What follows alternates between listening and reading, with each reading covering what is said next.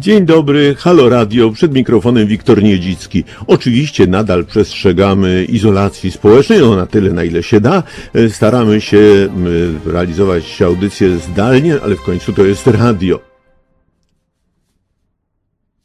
Proszę Państwa, trudno wyobrazić sobie świat bez dźwięku, no bez muzyki, bez śpiewu ptaku, bez y, ulicznego hałasu, no i bez sygnałów ostrzegawczych, no ale przede wszystkim bez najważniejszego, bez słów naszych bliskich, naszych wykładowców czy bohaterów filmów. Y, A przecież wiele osób na świecie rodzi się z takim problemem. Niektórym zdarza się to po wypadkach czy po ciężkich chorobach.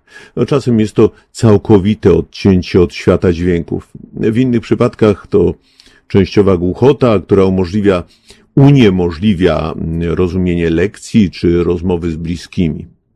Obecnie w Polsce nie mamy społecznego problemu głuchoty w Światowym Centrum Słuchu, w Instytucie Fizjologii i Patologii Słuchu. Codziennie wiele osób wraca do świata dźwięków. Pionierskie operacje prowadzone przez profesora Henryka Skarżyńskiego oraz znakomity zespół specjalistów ułatwiły życie i umożliwiły naukę w sumie tysiącom osób. No to takie wspomnienie. Pamiętam taką międzynarodową konferencję. Najwybitniejsi profesorowie z całego świata. No każdy chwalił się swoimi osiągnięciami. Ci profesorowie mieli po paru, e, czasem trzech, czterech pacjentów, którym uratowali słuch. I nagle na scenę Teatru Wielkiego wychodzi chór dzieci i młodzieży. E, Po angielsku śpiewają piosenkę i życzenia dla profesora Skarżyńskiego, który przywrócił im słuch. A kamera pokazuje, że każdy z tych młodych wykonawców ma we włosach ukryty implant słuchu. No, sala po czymś takim zamiera łzy. No, koncerty Filharmonii Narodowej, w innych salach. Wszyscy wykonawcy to ludzie, którzy słuch zawdzięczają tylko profesorowi i ośrodkowi w Kajetanach pod Warszawą. Takich wspomnień przez ponad już 30 lat uzbierało mi się sporo. W Polsce żyje najwięcej osób na świecie z implantem ślimakowym, a wszyscy mogą nam zazdrościć tych osiągnięć. Dziś w Halo Radio mam zaszczyt gościć sławnego profesora doktora habilitowanego nauk medycznych Henryka Skarżyńskiego, dyrektora Instytutu Fizjologii i Patologii Słuchu, e, Światowego Centrum Słuchu w Kajetanach, pana profesora Krzysztofa Kochanka, sekretarza naukowego Instytutu Fizjologii i Patologii Słuchu i panią doktor nauk medycznych Elżbietę Włodarczyk, kierownika Kliniki Rehabilitacji w Instytucie. Mam nadzieję, że wszyscy państwo są i że się słyszymy. Y, Dzień Czy się dobry, słyszymy? Panie Skarżyński, tak, oczywiście. O, dzień dobry, dzień dobry, panie profesorze. Cieszę się ogromnie. Dzień dobry, bardzo się dobry. cieszę, że panią słyszę. Mam nadzieję, że pan profesor Kochanek. Czy pan profesor Kochanek też jest? No, jakoś nie słyszę, ale mam nadzieję, że tak. E, Proszę państwa, to znów wspomnienie. Mniej więcej 30, 30 parę lat temu poznałem młodego profesora, który opowiadał mi o przywracaniu słuchu. No nie ukrywam, że dla mnie to było tak jak podróż w krainę marzeń. No głusi zaczynają słyszeć, a wszystko dzięki talentowi, wiedzy medycznej i możliwościom współczesnej elektroniki. Od tego czasu zrealizowałem kilka filmów na ten temat i za każdym razem było to wielkie przeżycie. Wiedza, umiejętności cenione przez specjalistów na całym świecie. Profesor Henryk Skarżyński. Panie profesorze, jak to się w ogóle zaczęło? Y, Dzień dobry, Halo? panie redaktorze. Dzień dobry, panie redaktorze. Dzień dobry państwu. Y, Czy jestem dobrze słyszany? Dzień dobry. Tak, Tak? jest pan bardzo dobrze słyszany. E, Bardzo Tak. dziękuję. Dziękuję bardzo za zaproszenie do radia. Y, To jak zawsze y, traktuję jako duże wyróżnienie. I dziękuję za podjęcie tego tematu niezwykle ważnego ze społecznego punktu widzenia, ale nie tylko, bo również z naukowego i klinicznego, zwłaszcza, że w ciągu tych 30 lat wydarzyło się wiele takich było wiele takich sytuacji przełomowych, mogę nazwać, powiedzieć, kroków milowych i y, wyraźnie zaznaczył się wkład Polskiej Szkoły Otologii w nauce i medycynie światowej. E, Formalnie zaczęło się to e, 16 i 17 lipca 1992 roku. Ten lipiec będzie się powtarzał w mojej wypowiedzi kilkakrotnie. To taki szczególny miesiąc, gdzie wiele się zaczęło, zaczęło do wielu sytuacji, do wielu chwil, momentów wracamy. Y, Ale nie, mniej formalnie zaczęło się to znacznie wcześniej, y, gdyż cztery lata wcześniej y, byłem na Kongresie Europejskich Towarzystw Otolaryngologicznych jako przedstawiciel środowiska polskiego wytypowany do dyskusji okrągłego stołu. Pewnie część słuchaczy za chwilę ze zdziwienia otworzy szerzej uszy, kiedy powiem, y, byłem w okrągłym stole jako przedsta- przedstawiciel Polski, miałem partnera z Czechosłowacji, z Węgier i z Niemieckiej Republiki Demokratycznej. Taki był ówczesny świat. Y, Naukowcy w Europie stwierdzili, że powinniśmy się mocniej integrować. Stąd tak, ten pierwszy kongres Europejskich Towarzystw był poświęcony różnej tematyce. Mnie zaproszono z uwagi na zupełnie inne badania. Wtedy zajmowałem się bardziej onkologią y, i fragment mojej rozprawy habilitacyjnej y, przypadł do gustu organizatorom. Y, Ale chcę się cofnąć jeszcze dalej. Nam się wydaje, że politycy integrowali Europę, a tak wcale nie jest. Europę integrowało całe społeczeństwo, czy społeczeństwa europejskie, w tym ogromny udział mieli naukowcy. Jeżeli cofniemy się do okresu międzywojennego, to przedstawiciele nauki ze środowiska medycznego, dokładnie z naszej specjalności, oto, szeroko rozumianej otorynolaryngologii, z Niemiec, Francji, Anglii, Wielkiej Brytanii, y, w pełnym tego słowa znaczeniu y, Holandii, Belgii, y, którzy ucierpieli, zwłaszcza te małe kraje y, w wyniku I wojny i to bardzo, doszli do wniosku, że trzeba dać sygnał y, społeczeństwu, że tak nie może być, że mm, trzeba się integrować. Europa jest za mała, żeby była y, tak podzielona. W 1926 roku powstało Towarzystwo Naukowe Oto- Otorynolaryngologów Świętej Przyjaźni. Jestem jednym z czterech aktywnych Polaków w tym towarzystwie przyjętym w 1994 roku w Lizbonie. Dlaczego do tego wracam? Dlatego, że ta integracja naukowa y, środowiska, y, aspiracje poszczególnych naukowców przyczyniły się do tego, że mogłem się znaleźć w 1988 roku w Paryżu i zobaczyć pierwszych pacjentów y, całkowicie niesłyszących, którzy byli po operacjach wszczepienia implantu ślimakowego. Te operacje pokazywał profesor Showard, do którego trafiłem już w roku następnym i to zadecydowało o tym, że w 1992 roku zaczęło się to w Polsce. W tej części Europy y, pacjenci dostali szansę y, wyjścia ze świata ciszy, y, jeżeli kiedyś słyszeli, znaczy powrotu do świata dźwięku, wyjścia, po wyjściu ze świata ciszy, jeżeli słyszeli, lub wejścia po raz pierwszy do świata dźwięku, jeżeli nie słyszeli od urodzenia. Pierwsze dwa dni. No właśnie, pamiętam, panie 16, profesorze, 7. że te pierwsze operacje to był szok dla, dla wszystkich. To jak to? Ludzie, którzy nie słyszeli, nagle wszczepia im się jakiś kawałek, przepraszam za wyrażenie, drutu i oni słyszą. Y, Tak, był to szok y, dla mnie, y, w tym sensie, że nie zdawałem sobie ze skali problemu. I to zadecydowało, że w ciągu tak naprawdę niespełna roku powstał drugi w Europie ośrodek y, Centrum Implantów Ślimakowych jako y, moje dążenie między innymi, a następnie y, koleżanek, kolegów, którzy systematycznie dołączali do tego zespołu. Nie zależało nam wtedy na aplauzie po jednej, dwóch czy trzech operacjach. Zależało nam na tym, żeby powstał trwały zespół, zespół wielu specjalistów, lekarzy, psychologów, logopedów, pedagogów, inżynierów klinicznych. Y, Do tego momentu te środowiska funkcjonowały zupełnie oddzielnie, nie zdając sobie sprawy z tego, że mogą wszyscy pochylić się nad pacjentem i wszyscy mogą czuć się prawdziwymi terapeutami, zwłaszcza inżynier- inżynierowie kliniczni.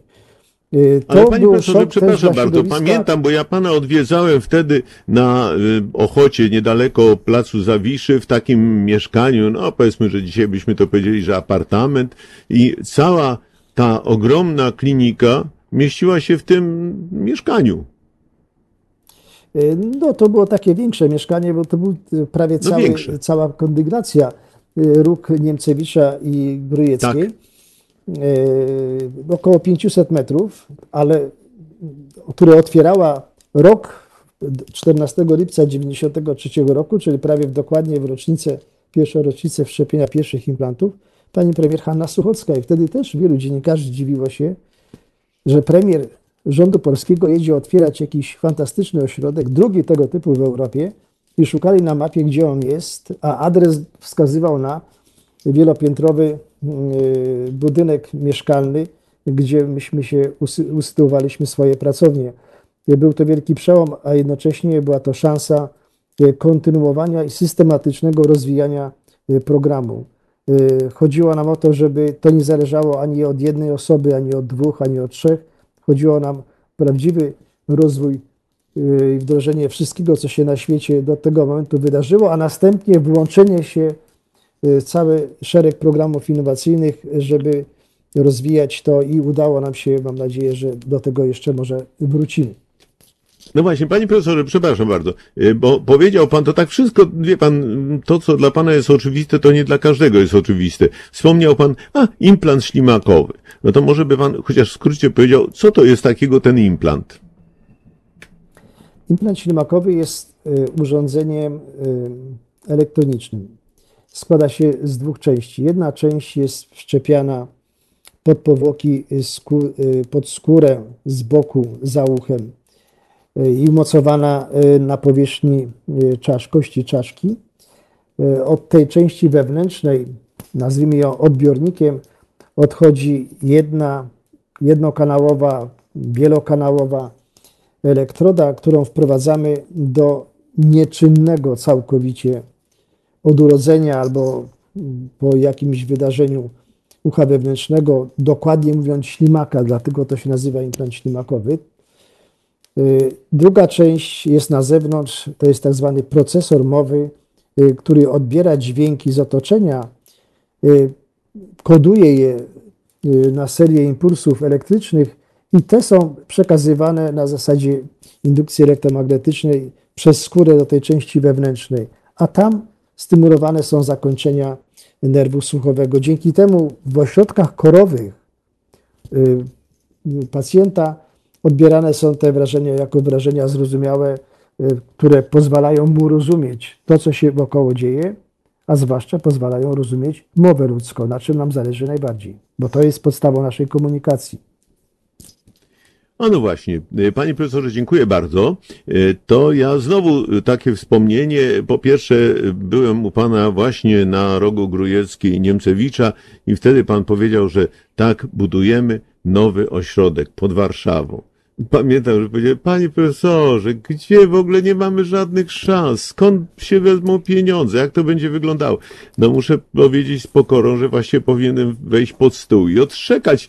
No, ośrodek jest ogromny, wspaniały, przyciąga ludzi z całego świata. Ale wielu chyba, tak jak ja, nie wierzyło, że to się uda. Y, Panie redaktorze, y, na, po- powiem przekornie, na szczęście wielu nie wierzyło i to nam y, zaoszczędziło trochę zdrowia i pewnie nerwów. Y, W 1995 roku y, podczas kolejnej konferencji międzynarodowej, kiedy pokazywaliśmy nasze pierwsze efekty, a tak naprawdę w dalszym ciągu uczyliśmy się od innych, tych, którzy zaczęli y, 20, 20 parę lat przed nami tego typu programy realizować. Zawieźliśmy ich pod Warszawę, właśnie do Kajetan, na taką łąkę porośniętą chwastami, jakieś zarośla, y, mniejsze i większe drzewa.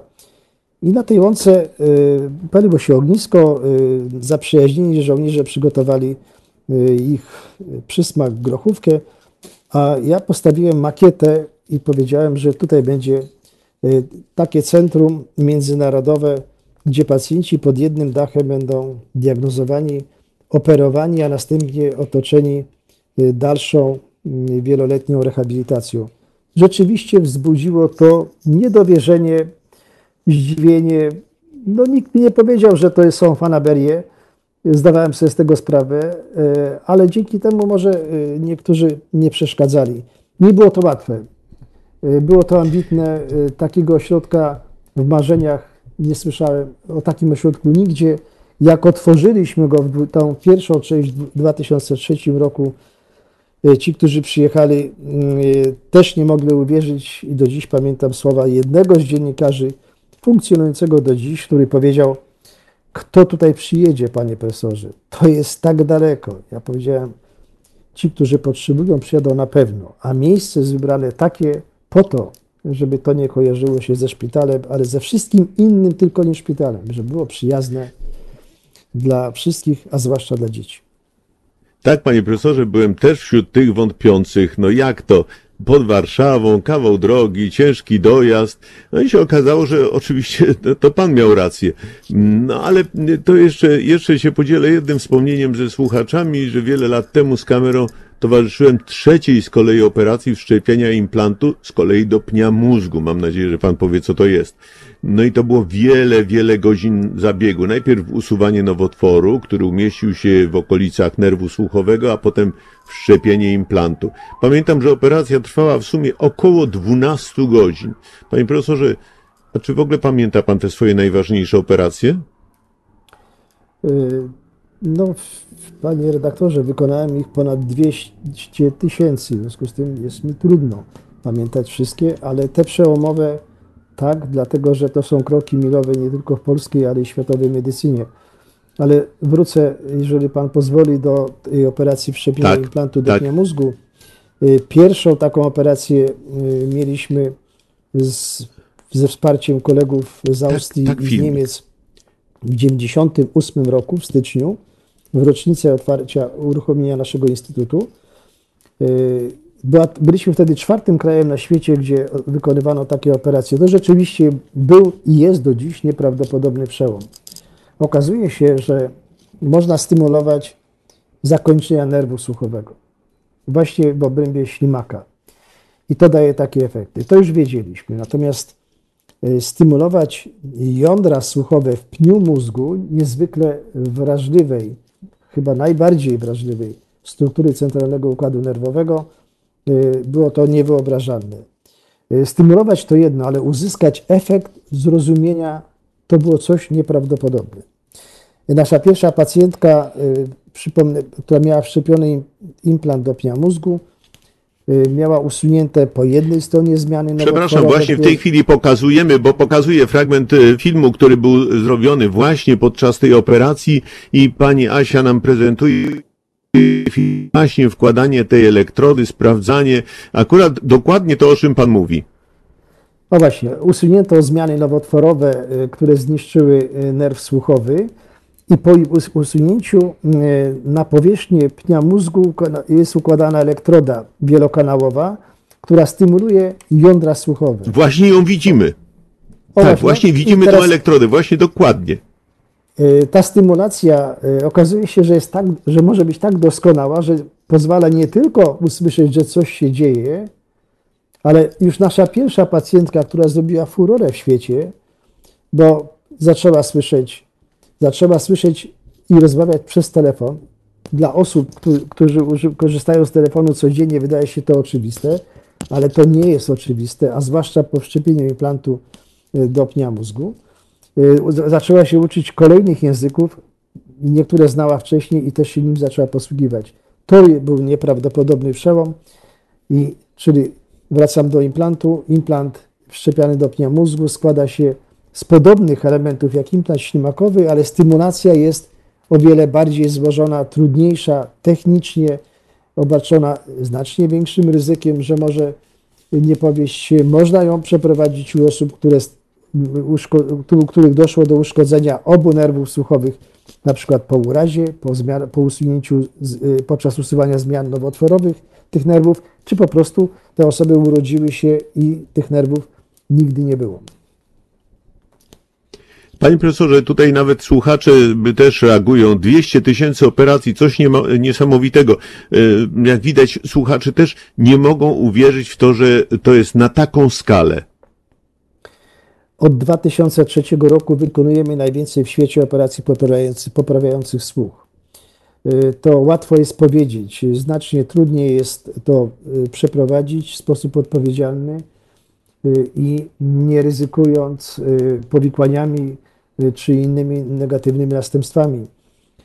Jeżeli gdzieś o tym mówimy zawsze, to wywołuje pewne takie reakcje, stąd staramy się bardzo starannie dokumentować nasz dorobek y, publikacyjny, dorobek w postaci prezentacji y, na kongresach światowych, kontynentalnych, wszędzie tam, gdzie powinniśmy y, pokazać, że w Polsce jest to możliwe. To po pierwsze, po drugie, że po- polscy pacjenci mają dostęp do najnowszych technologii, y, co jest ogromnie ważne. Często jako pierwsi albo jedni z pierwszych w świecie. Panie profesorze, przepraszam, to znów muszę się podzielić ze słuchaczami takim bardzo osobistym wspomnieniem. Byłem wiele lat temu już na konferencji właśnie w Kajetanach. No i sala była pełna tych najwybitniejszych specjalistów z całego świata.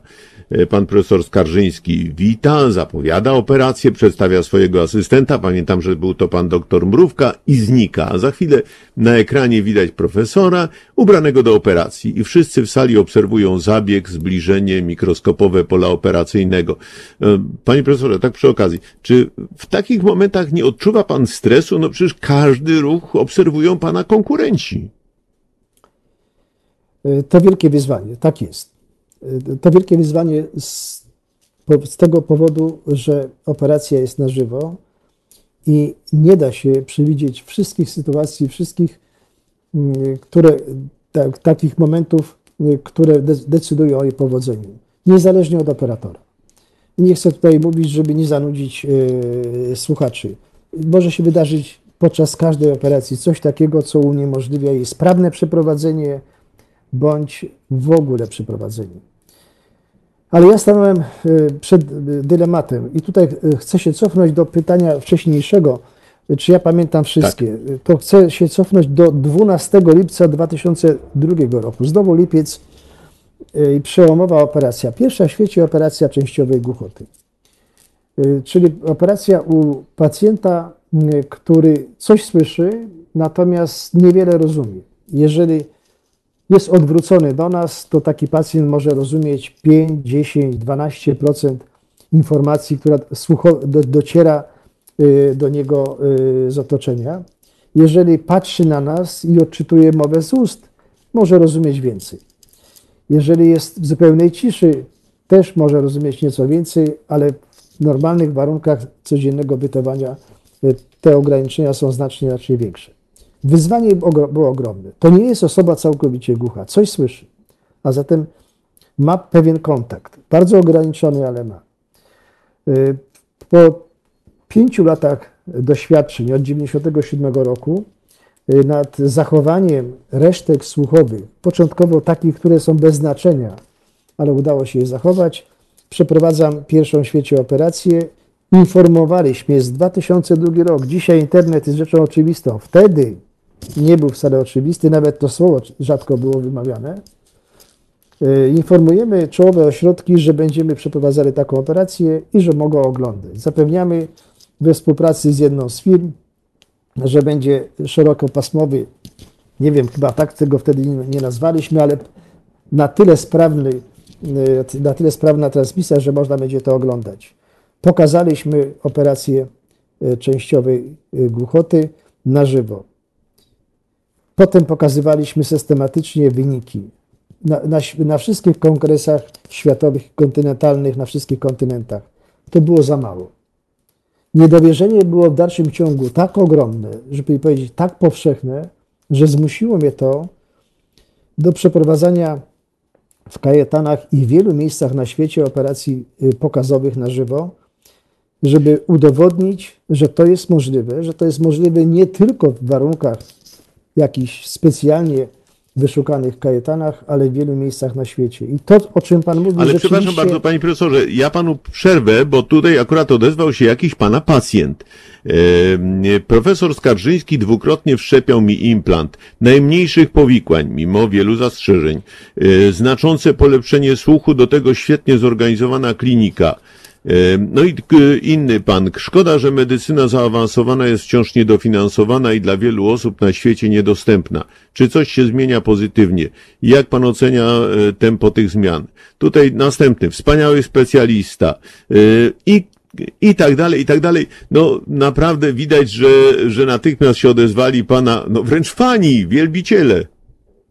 Y, Panie doktorze, bardzo dziękuję. Pozdrawiam wszystkich, którzy słuchają. Y, Dziękuję za miłe słowa, one są potrzebne. Ale Jak słyszą, to- słyszą, słyszą ten, ten program. Jest, są potrzebne jak słońce do życia dla każdego z nas.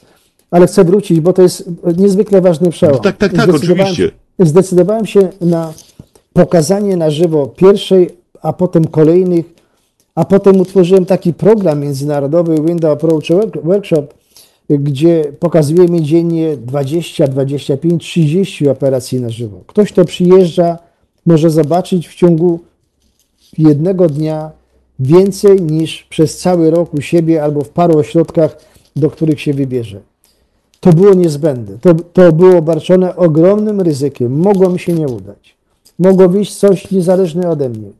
Ale musiałem to zrobić, musiałem pokazać w tym miejscu, a następnie w innych miejscach, na innych kontynentach również. Podczas konferencji, gdzie oglądało mnie kilkaset albo ponad tysiąc osób, albo podczas y, tak y, zwanych sesji, y, które się odbywają dwa, trzy razy w roku, gdzie pokazujemy transmisję po kolei z różnych ośrodków, zaczynając od Sydney, Melbourne, przez Seul, Tokio, kraje, kilka stolic europejskich, a potem amerykańskich.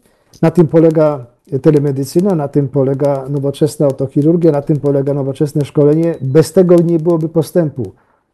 Ale wszyscy widzą i rzeczywiście mam pełną świadomość, że oglądają mnie specjaliści i porównują. Ale panie profesorze, no właśnie, to jest obciążenie, to jest ogromne obciążenie Jest dla pana. obciążenie, oczywiście, zdaję sobie z tego sprawę. Y, Znaczy, w praktyce jest tak. y, Obciążenie jest zanim usiądę y, i zespolę się z mikroskopem i z pacjentem. Y, Potem liczy się tylko on i to, co ja y, wykonuję. Y, I już w tym momencie, jeżeli nie ma czegoś nieprawdopodobnie trudnego, co pozwala, co zmusza mnie do oderwania się, to właściwie jestem pochłonięty operacją i liczy się pacjent. Ja, ja w tym momencie nie myślę, że, że ktoś ogląda. Ja chcę zrobić najlepiej, jak potrafię, właśnie dla tego pacjenta, którego operuję. On jest najważniejszy od początku do końca. Y, A potem, jak jest okazja, to mogę odpowiedzieć na pytania, tak jak wtedy i za każdym innym razem, y, jeżeli ktoś się chce dowiedzieć, na czym polega nasz fenomen. A rzeczywiście pod tym względem, y, pod względem organizacyjnym i dydaktycznym jesteśmy fenomenem, bo pokazujemy tego najwięcej. Ponad 4,5 tysiąca specjalistów ze świata było w Kajetanach i obejrzało to na żywo. Tysiące poza Kajetanami. E, Ale na tym polega promocja polskiej nauki i medycyny. No taki, y, takie mam poczucie misji i pewnego obowiązku wobec tych, którzy mnie kiedyś uczyli, wobec tych, którzy uwierzyli, wobec tych, którzy dobrze o nas mówili albo nas zachęcali, tak jak pan redaktor. To jest po prostu. E, Dziękuję bardzo. Ale panie profesorze, sekundę, bo to, to mnie dalej to nurtuje. E, Bo przecież y, pamiętam jeszcze, że w wielu przypadkach profesorowie, zwłaszcza medycyny, to nie chcieli pokazać swoich metod, nie chcieli się tym podzielić, no bo wie pan, no w ten sposób ujawniają, czy pokazują swoje pewnego rodzaju tajemnice, taki know-how, no to lepiej, żeby inni nie widzieli tego, y, no żeby nie nauczyli się, bo wtedy sami będą robili takie operacje. Mm, No i dalej ta pana motywacja jest dla mnie taka, no troszeczkę niezrozumiała. No jak to? To pan, pan to daje tak wszystkim to, co pan osiągnął? Panie redaktorze, no na tym polega rozwój. Ja, ja zdaję sobie sprawę z tego, co Pan mówi. Y, Na pierwszą, o pierwszej operacji cofnę się do 92 roku. O pierwszej operacji, że ją wykonam y, w 92 roku, poinformowałem Polską Agencję Prasową na tydzień przed. To nie był mój całkowicie oryginalny pomysł. Spotkałem się z kolegą y, z Francji, z którym się spotykałem, jak tam byłem na szkoleniu. I on pyta, no co słychać, y, tam uczyłeś się tego, oglądałeś się? No tak, no i co będzie? No będę miał y, za tydzień chyba, nie, za 10 dni taką operację. To kolejna czy, czy pierwsza? Pierwsza. A ktoś o tym wie? No ja bym, nie, no, no ja wiem i tam parę osób najbliższych. Nie, nie, to trzeba poinformować. Ja mówię, co znaczy poinformować? Nie, no napisz, no napisz do mediów. Ja, Jaki będę? No do Polskiej Agencji Prasowej na przykład. No i tak poszła notatka, do którą, którą przechowuję do dziś e, z informacją, że będę wykonywał operację, nie zdając sobie tak do końca sprawy z tego, e, co się za tym będzie kryło, ile będzie kamer, ile będzie osób, ale do dziś wiele, wiele osób, e, które jeszcze funkcjonują w świecie mediów, przypomina mi to i mówi, że to był bardzo odważne, ale jednocześnie symboliczne zaproszenie m, na kilka dni przed, a nie pokazanie efektu po. E, A i właśnie. Tak, I tak to zostało we mnie i tak pewnie zostanie.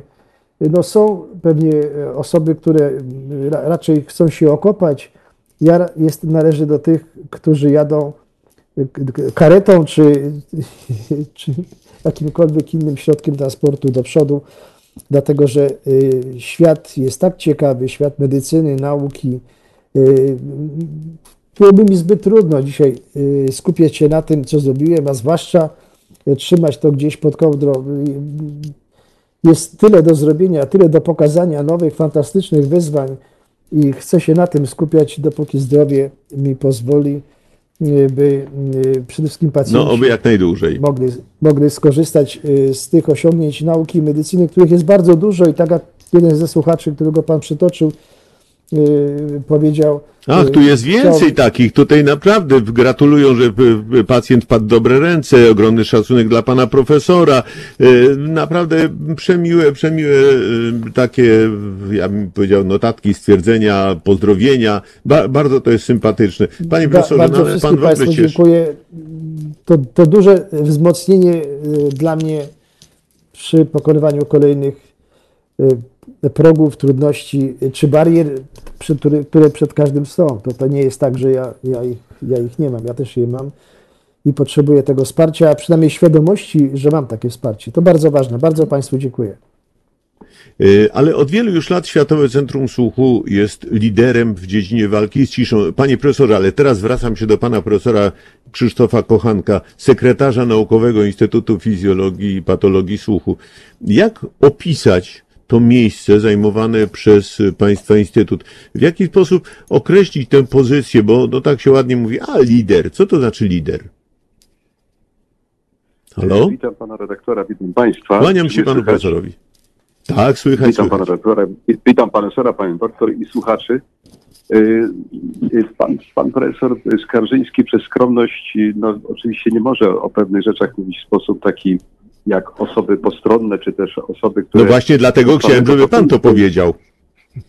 Więc z przyjemnością dostąpię tego zaszczytu.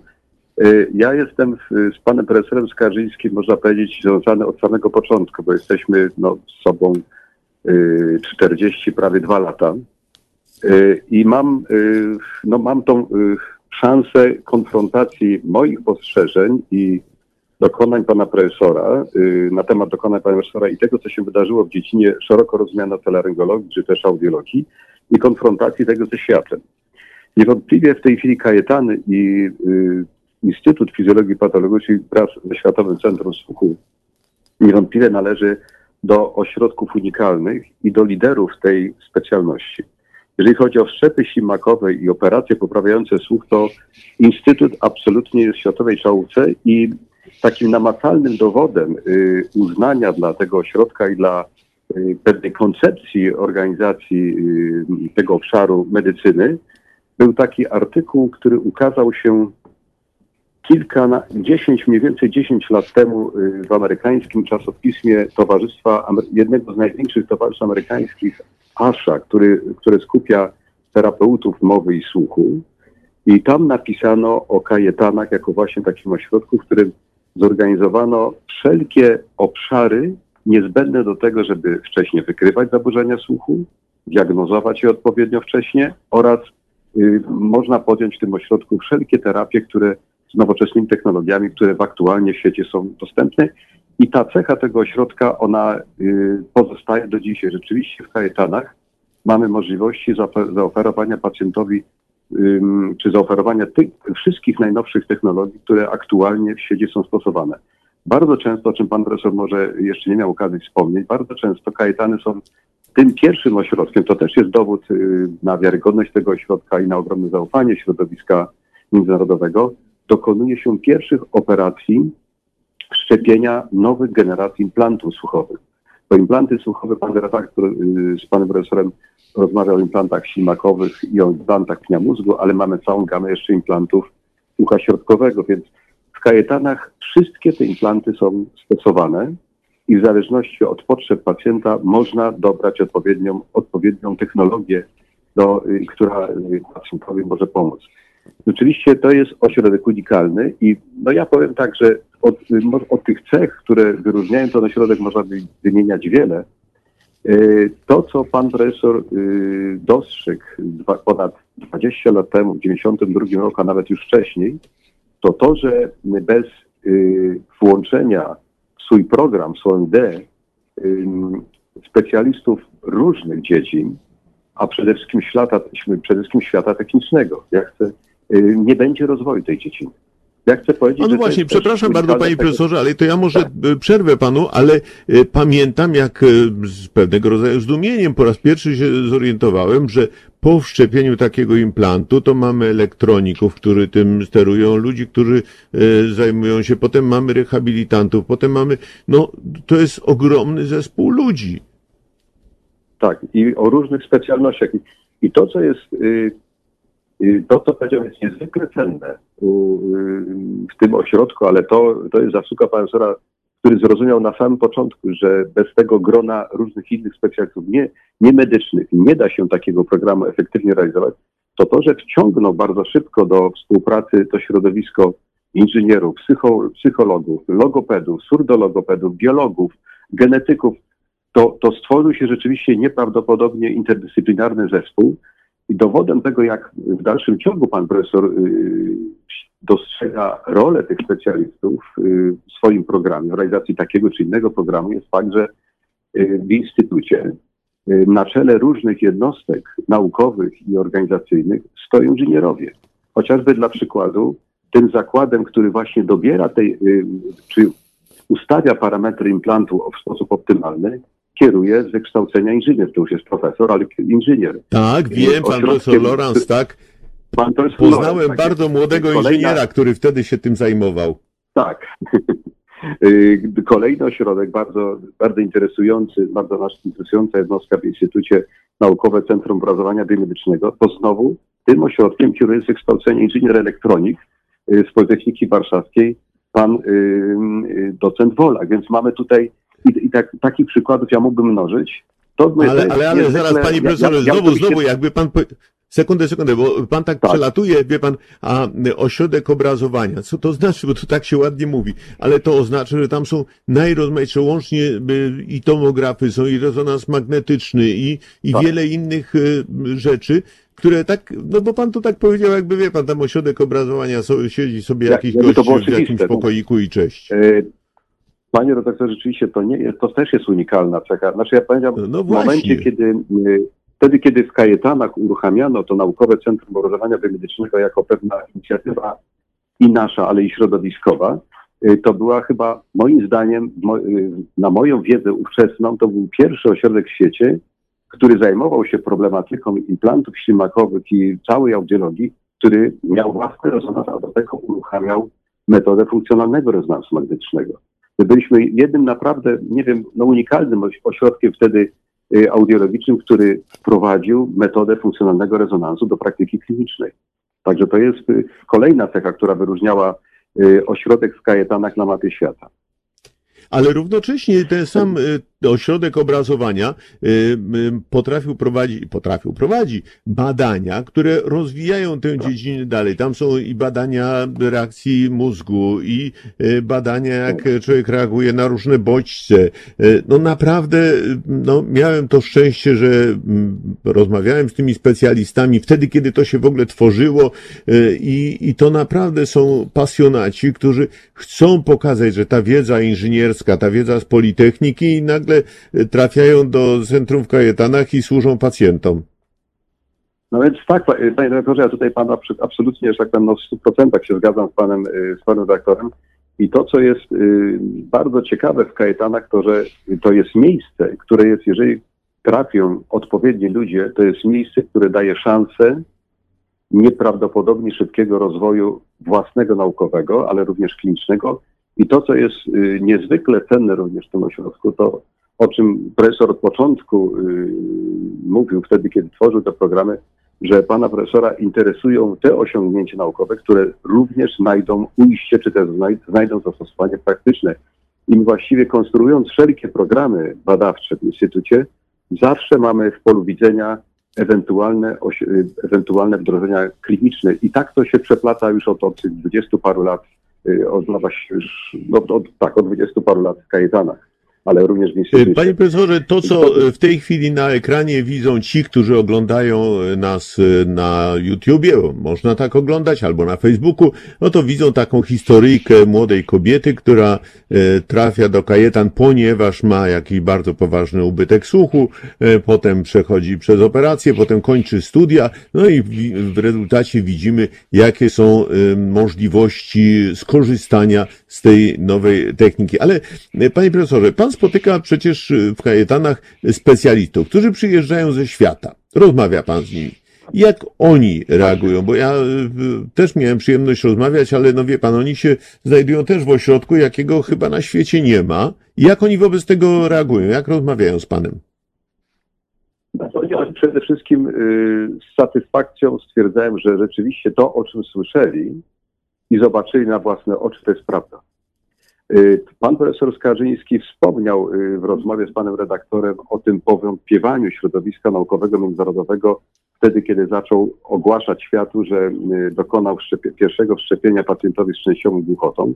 I rzeczywiście ja tutaj absolutnie no, byłem bardzo blisko tych wszystkich wydarzeń i śledziłem y, pewną i pokorę, ale i konsekwencje profesora Skarżyńskiego, który nie zrażał się tymi y, no, czasami nie, niezbyt korzystnymi komentarzami, bo środowisko nie wierzyło, że to, to przez wiele lat powątpiewało, że można połączyć dwa systemy stymulacji w układzie słuchowym i one zafunkcjonują w taki sposób, że do- dokona się jeszcze efekt synergii.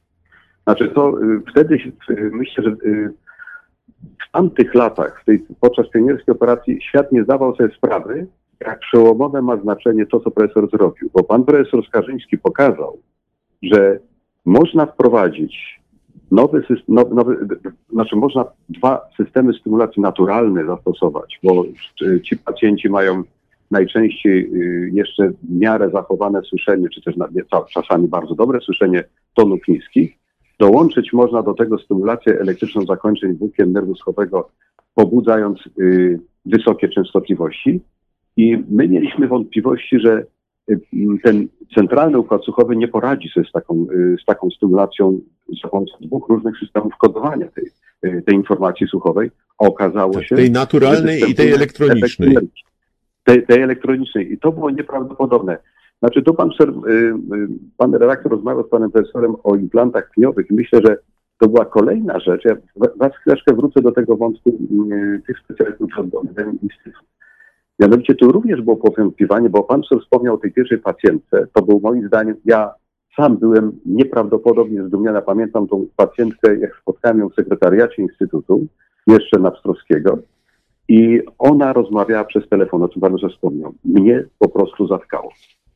Ja sobie nie wyobrażałem, że pacjent, który ma tak ubogą stymulację, bo pan, pan, pan profesor wspomniał, że ta stymulacja jest znacznie trudniejsza, znacznie trudniejsze jest ustosowanie elektrody, że czasami musimy pewne elektrody wyłączyć, bo one zagrażają funkcjonowaniu innych ośrodków, które mają lokalizację w pniu mózgu, tam mają, y, można stymulować te ośrodki. Y, więc y, To jest uboga stymulacja, a ta pacjentka w sposób namacalny pokazała, że z tej ubogiej stymulacji centralny układ słuchowy może skorzystać w taki sposób, że ona może korzystać z telefonu komórkowego, tak jak każdy zdrowy pacjent. I również w tym przypadku, tak jak w przypadku częściowej głuchoty, było powątpiewanie środowiska międzynarodowego, czy na pewno ci pacjenci w kajetanach rzeczywiście mają takie fantastyczne rezultaty. I chcę powiedzieć o takim ciekawym wydarzeniu, mianowicie pan profesor zdecydował się, nie wiem czy pan może coś, może pan sobie jeszcze uzupełni moją odpowiedź, ale kilku naszych pacjentów pojechało do Stanów, żeby naukowcy amerykańscy w Instytucie Hausa mogli sobie sami pomierzyć czy sprawdzić parametry tych, tych pacjentów. Profesor Bob Shannon przejechał przez cały świat, odwiedzając ośrodki, które szczycą się tym, że mają, realizują program implantów ślimakowych, bo takich y, implantów pniowych, bo takich ośrodków jest niewiele jednak ciągle, ciągle w świecie. Ja pamiętam, jak, go, jak spotkałem go osobiście z profesorem Lorenzem na stołówce w Kajetanach i on mówi, ja mogę tylko wam pogratulować, macie najlepszych pacjentów w świecie, jeżeli chodzi o implanty pniowe. Rzeczywiście to było zdumiewające. Te operacje, które zapewne pan redaktor, widział, szczepienia y, implantu pniowego po drugiej stronie naszego pacjenta Karola, to był kolejny fenomen, który odbył się szerokim echem y, w świecie, ale faktem jest, że czy pewna intuicja, ale też pewien dar organizacyjny y, spowodował, że rzeczywiście w implantach, w implantach pniowych Instytut jest czołowym ośrodkiem w świecie. My mamy rzeczywiście Panie profesorze, przepraszam, znowu, znowu panu przerwę, ale, ale pozwolą państwo, że no, podzielę się taką osobistą, y, takim wspomnieniem. Y, Pamiętam, że kiedyś wracałem z Kajetan i no, stała taka pani już przy wyjeździe.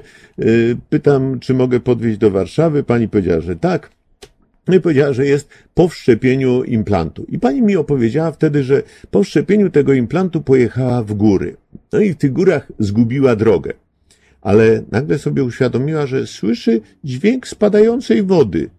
Aha, to gdzieś jest źródło. Znalazła to źródło, zobaczyła na mapie, jest zaznaczone to źródło, jest, już znalazła wszystko na mapie. W ten sposób ten odzyskany słuch pozwolił odnaleźć drogę, czyli nam trudno, takim ludziom, którzy słyszą, trudno sobie wyobrazić, ale dla osoby, która wcześniej nie słyszała albo bardzo słabo słyszała, no to musiał być szok. Słyszy ptaki, słyszy spadającą wodę. Coś niesamowitego.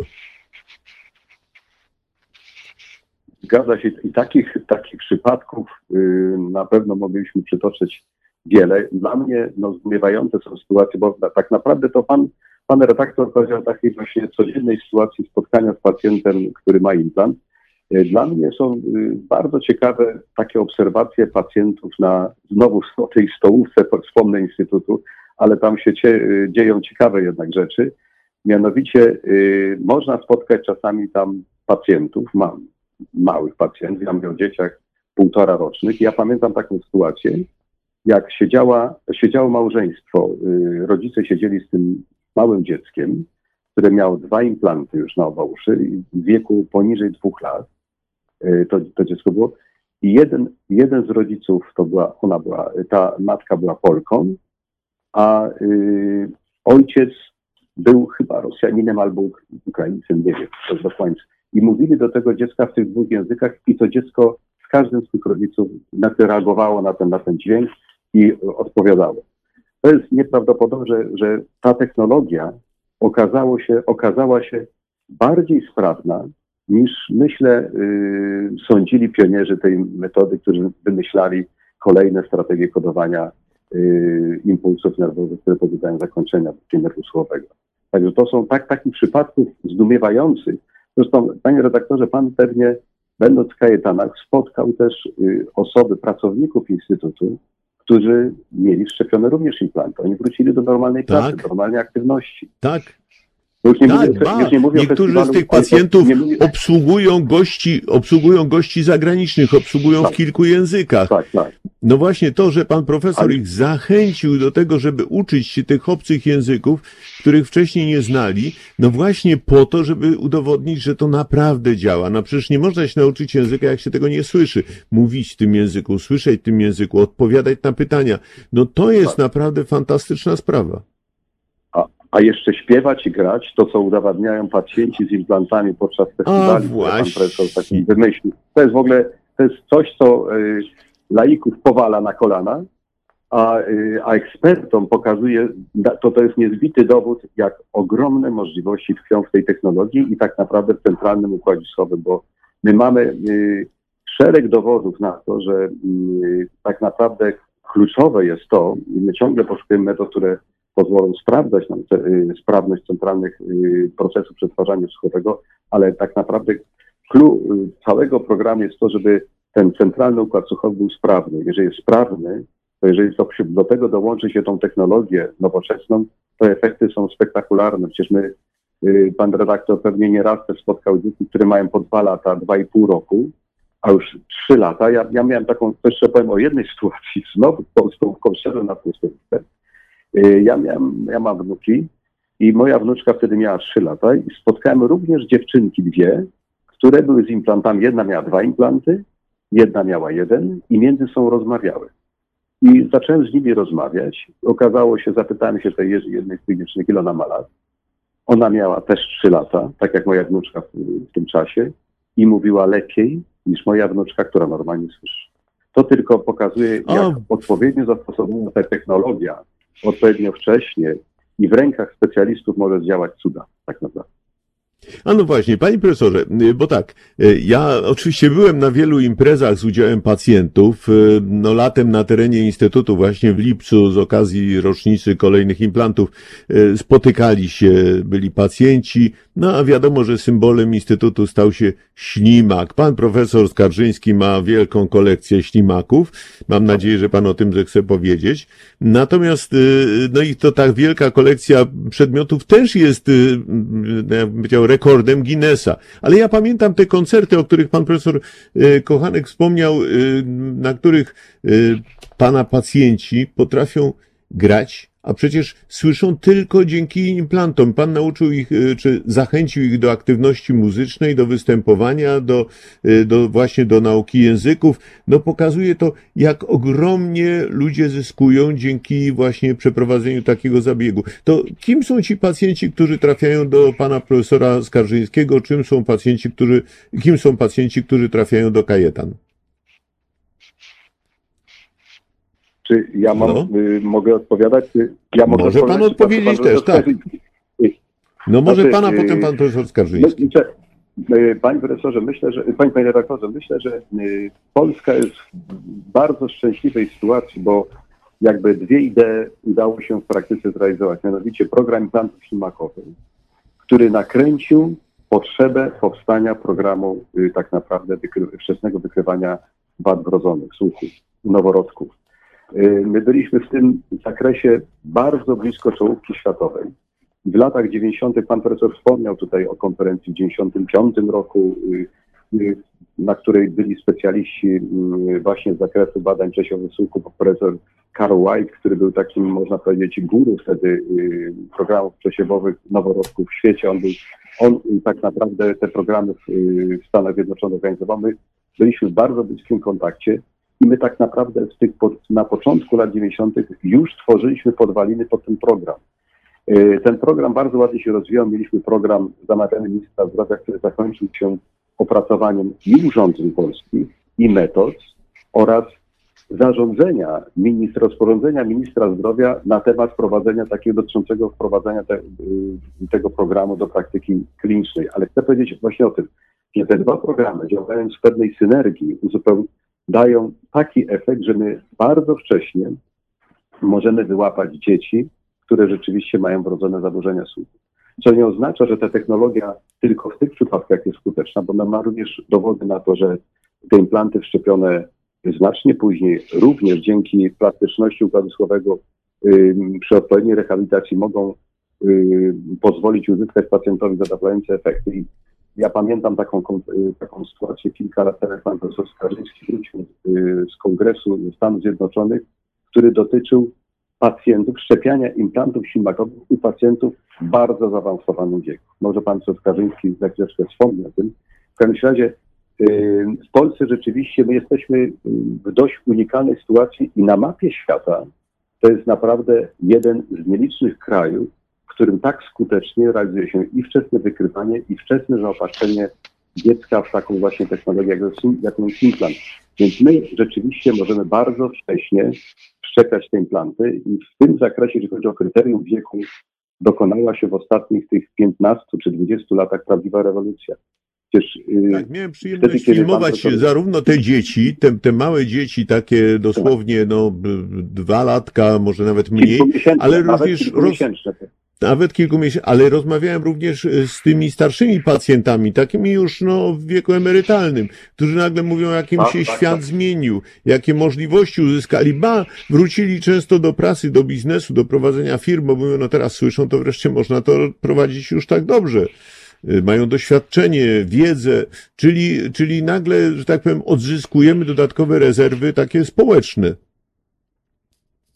E, no oczywiście, że tak i to jest to jest zdumiewające, że, yy, że te efekty są tak często tak spektakularne, yy, co kilkadziesiąt, no te dwadzieścia lat temu było, wydawało się, to jest nie, nie, nieosiągalne. Tak jak nieosiągalna wydawała się, yy, no nie, nieosiągalne wydawało się przekroczenie pewnej bariery wieku. Przecież my w tej chwili szczepiamy implanty u dzieci, które mają 7, 8 miesięcy, nawet 6 miesięcy, to to jest w ogóle rzecz, rzecz, że gdybyśmy 20 lat temu powiedzieli o tym, że będziemy dążyć do takiej sytuacji, to nikt by wtedy nie chciał wierzyć, a w tej chwili jest to fakt.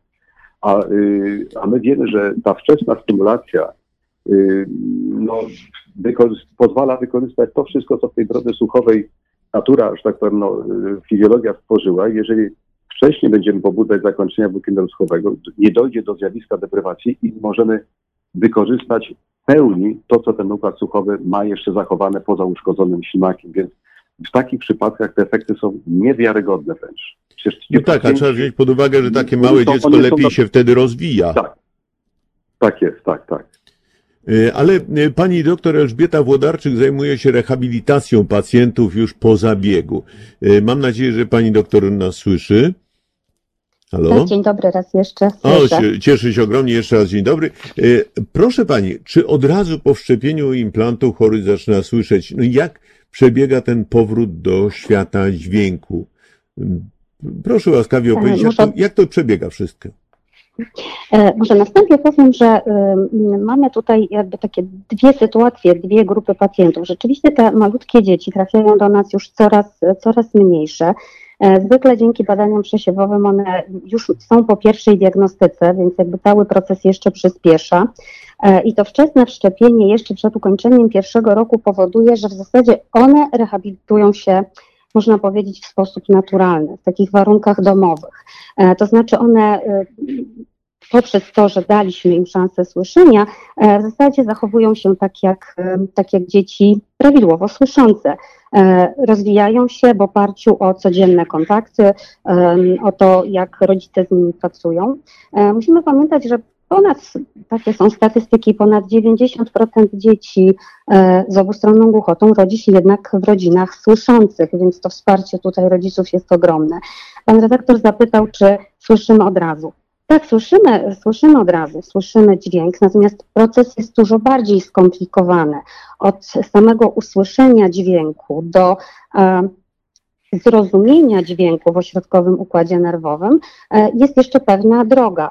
Oczywiście, tak jak mówię, u tych malutkich dzieci odbywa się to naturalnie. U dzieci, które zostały zaimplantowane z różnych powodów, później, to znaczy, że później zostały zdiagnozowane, e, gdzieś w tym systemie się prześlizgnęły i dopiero w okresie kilku lat e, ktoś zauważył i odkryto, że, że mają głęboki niedosłuch i że tak naprawdę powinny być implantowane. Bądź początkowo na przykład były tylko aparatowane, czyli nosiły klasyczne aparaty słuchowe, mm, i to się okazało być niewystarczające, to u nich ten, ten proces rehabilitacji jest troszeczkę dłuższy. Trzeba jakby pobudzić ten ośrodkowy układ nerwowy do właściwej interpretacji dźwięków.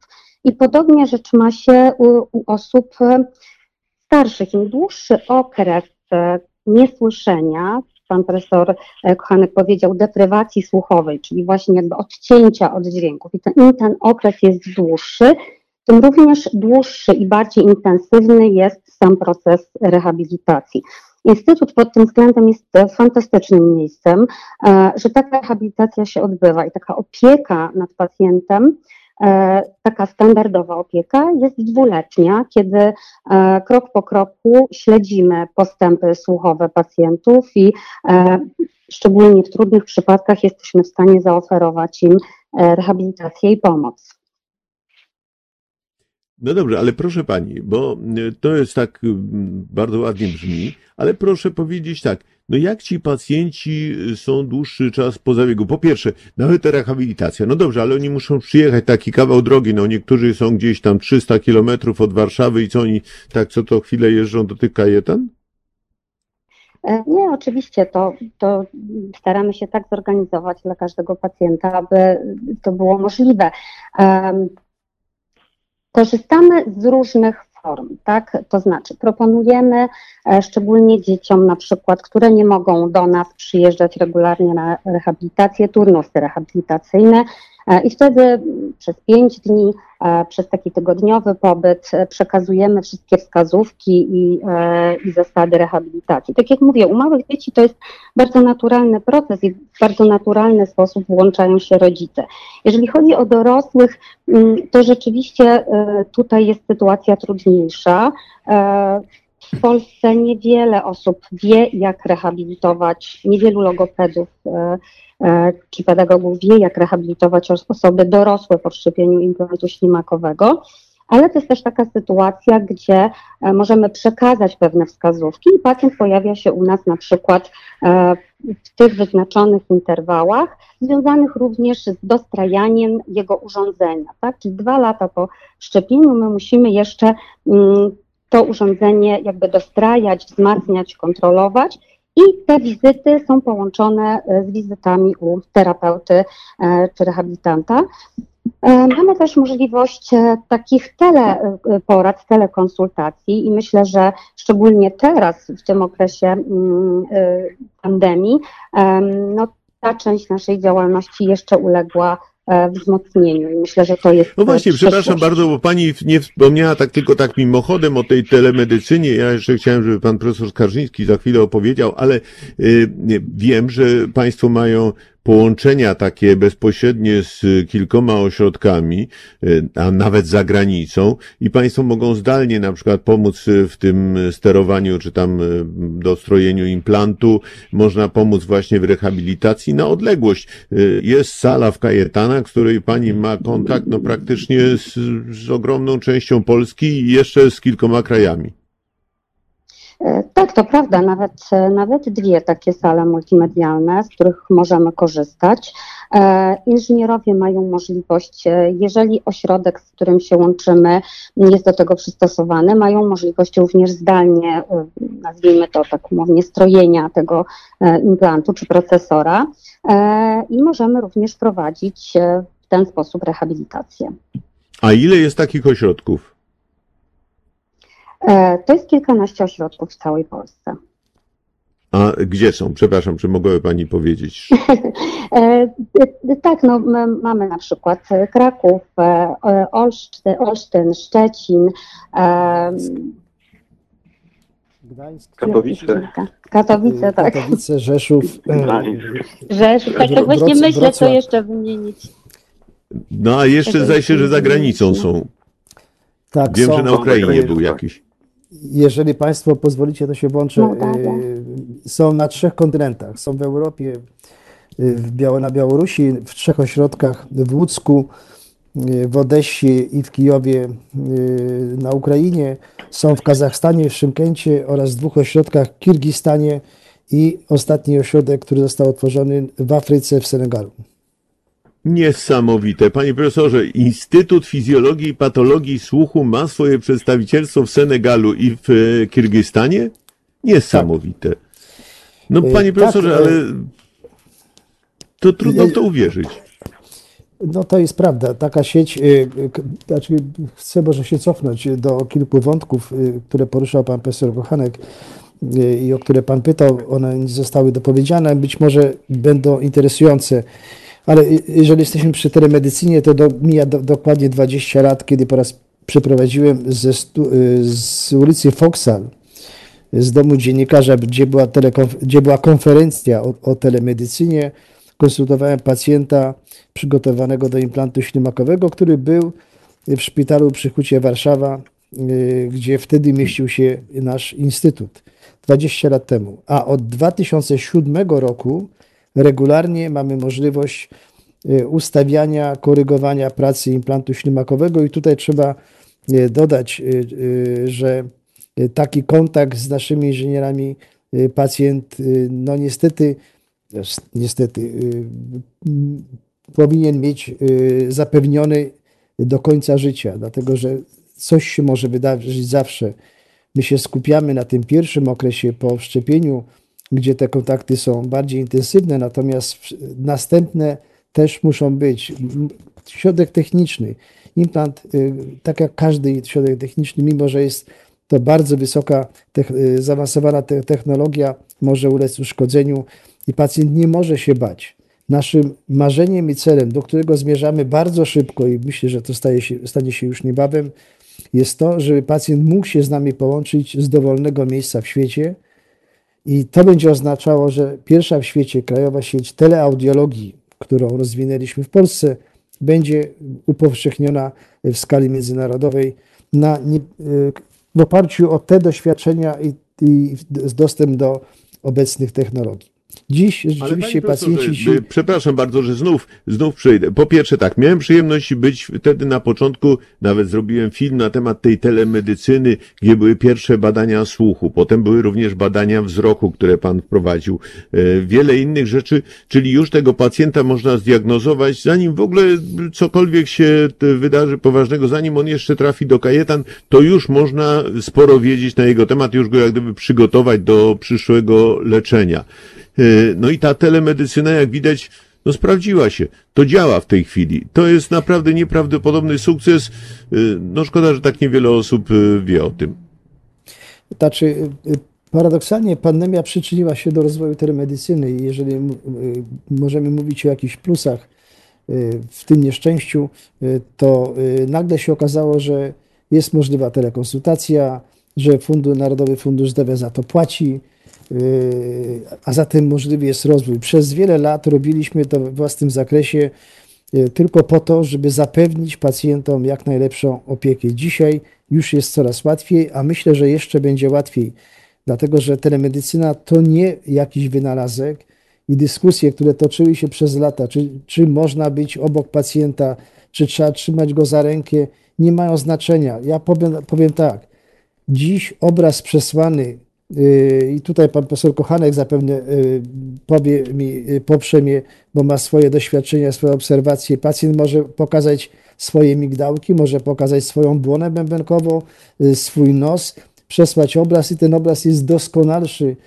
czasami niż ten, który oglądany jest przy złym świetle, przy lampce, którą ma, mają jeszcze niektórzy w gabinecie.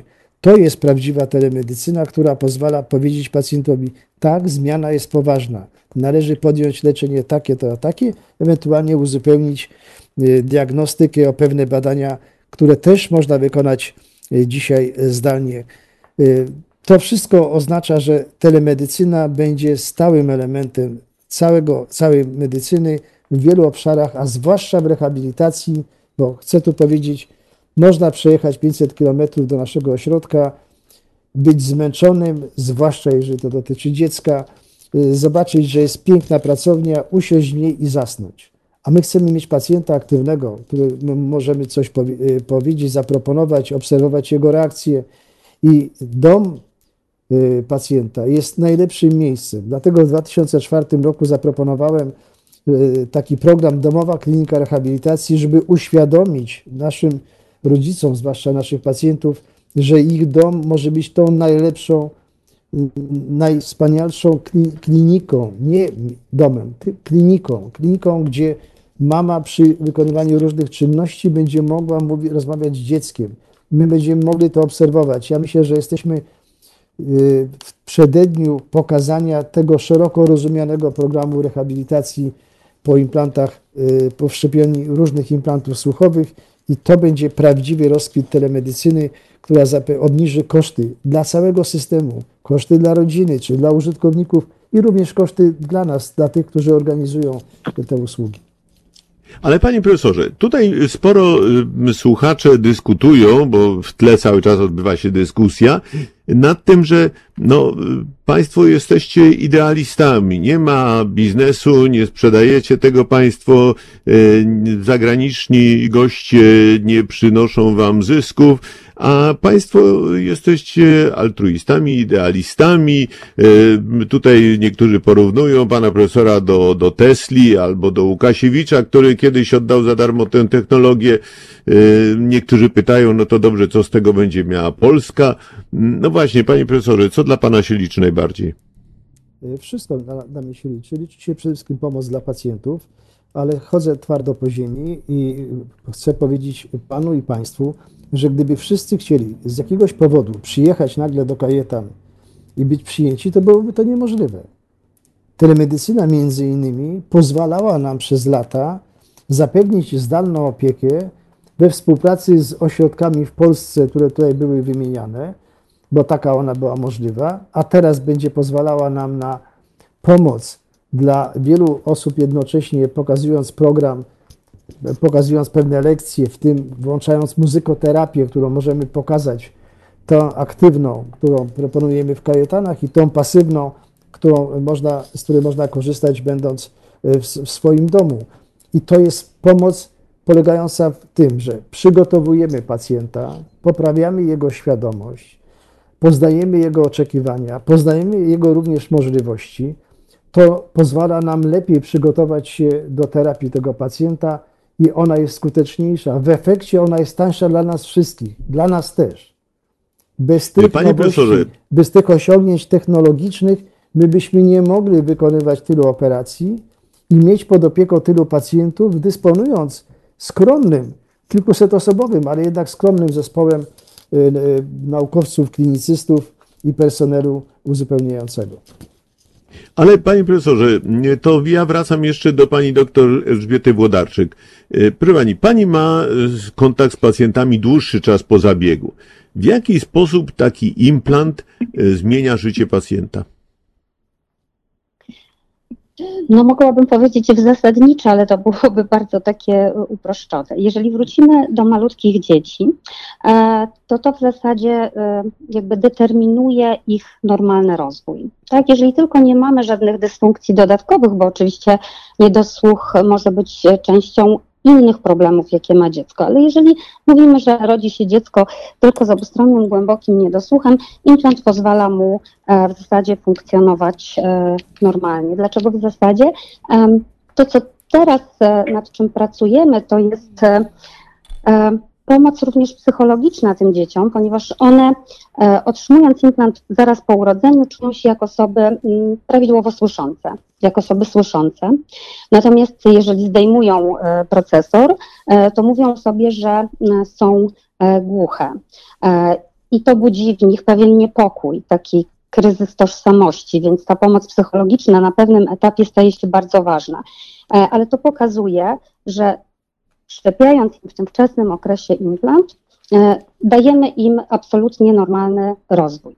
Jeżeli przejdziemy do grupy pacjentów e, starszych, e, to często, tak jak pan redaktor już wspomniał, pozwala to tym ludziom wrócić do aktywności zawodowej, e, wrócić do aktywności towarzyskiej, bo nie zapominajmy, ale e, to też jest bardzo ważny element naszego życia, czyli te kontakty towarzyskie. Wielu pacjentów e, właśnie to jakby skłania do szukania pomocy, że zamykają się w sobie, że niedosłuch powoduje wycofanie ich z takiego codziennego życia, z kontaktów z rodziną, z kontaktów z przyjaciółmi. I implant słuchowy, celowo mówię słuchowy, pozwala im e, znowu w pełni cieszyć się życiem.